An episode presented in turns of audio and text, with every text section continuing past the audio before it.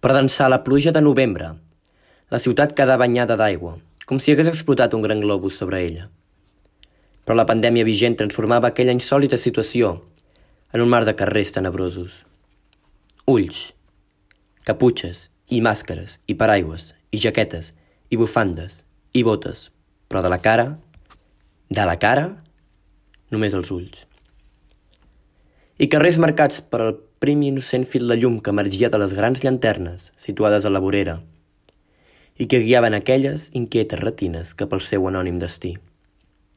Jo, protegit fins l'últim pèl, caminant per la ciutat amb pressa després de realitzar la compra del divendres i després d'un dia feixuc, de fred i tristor. thank you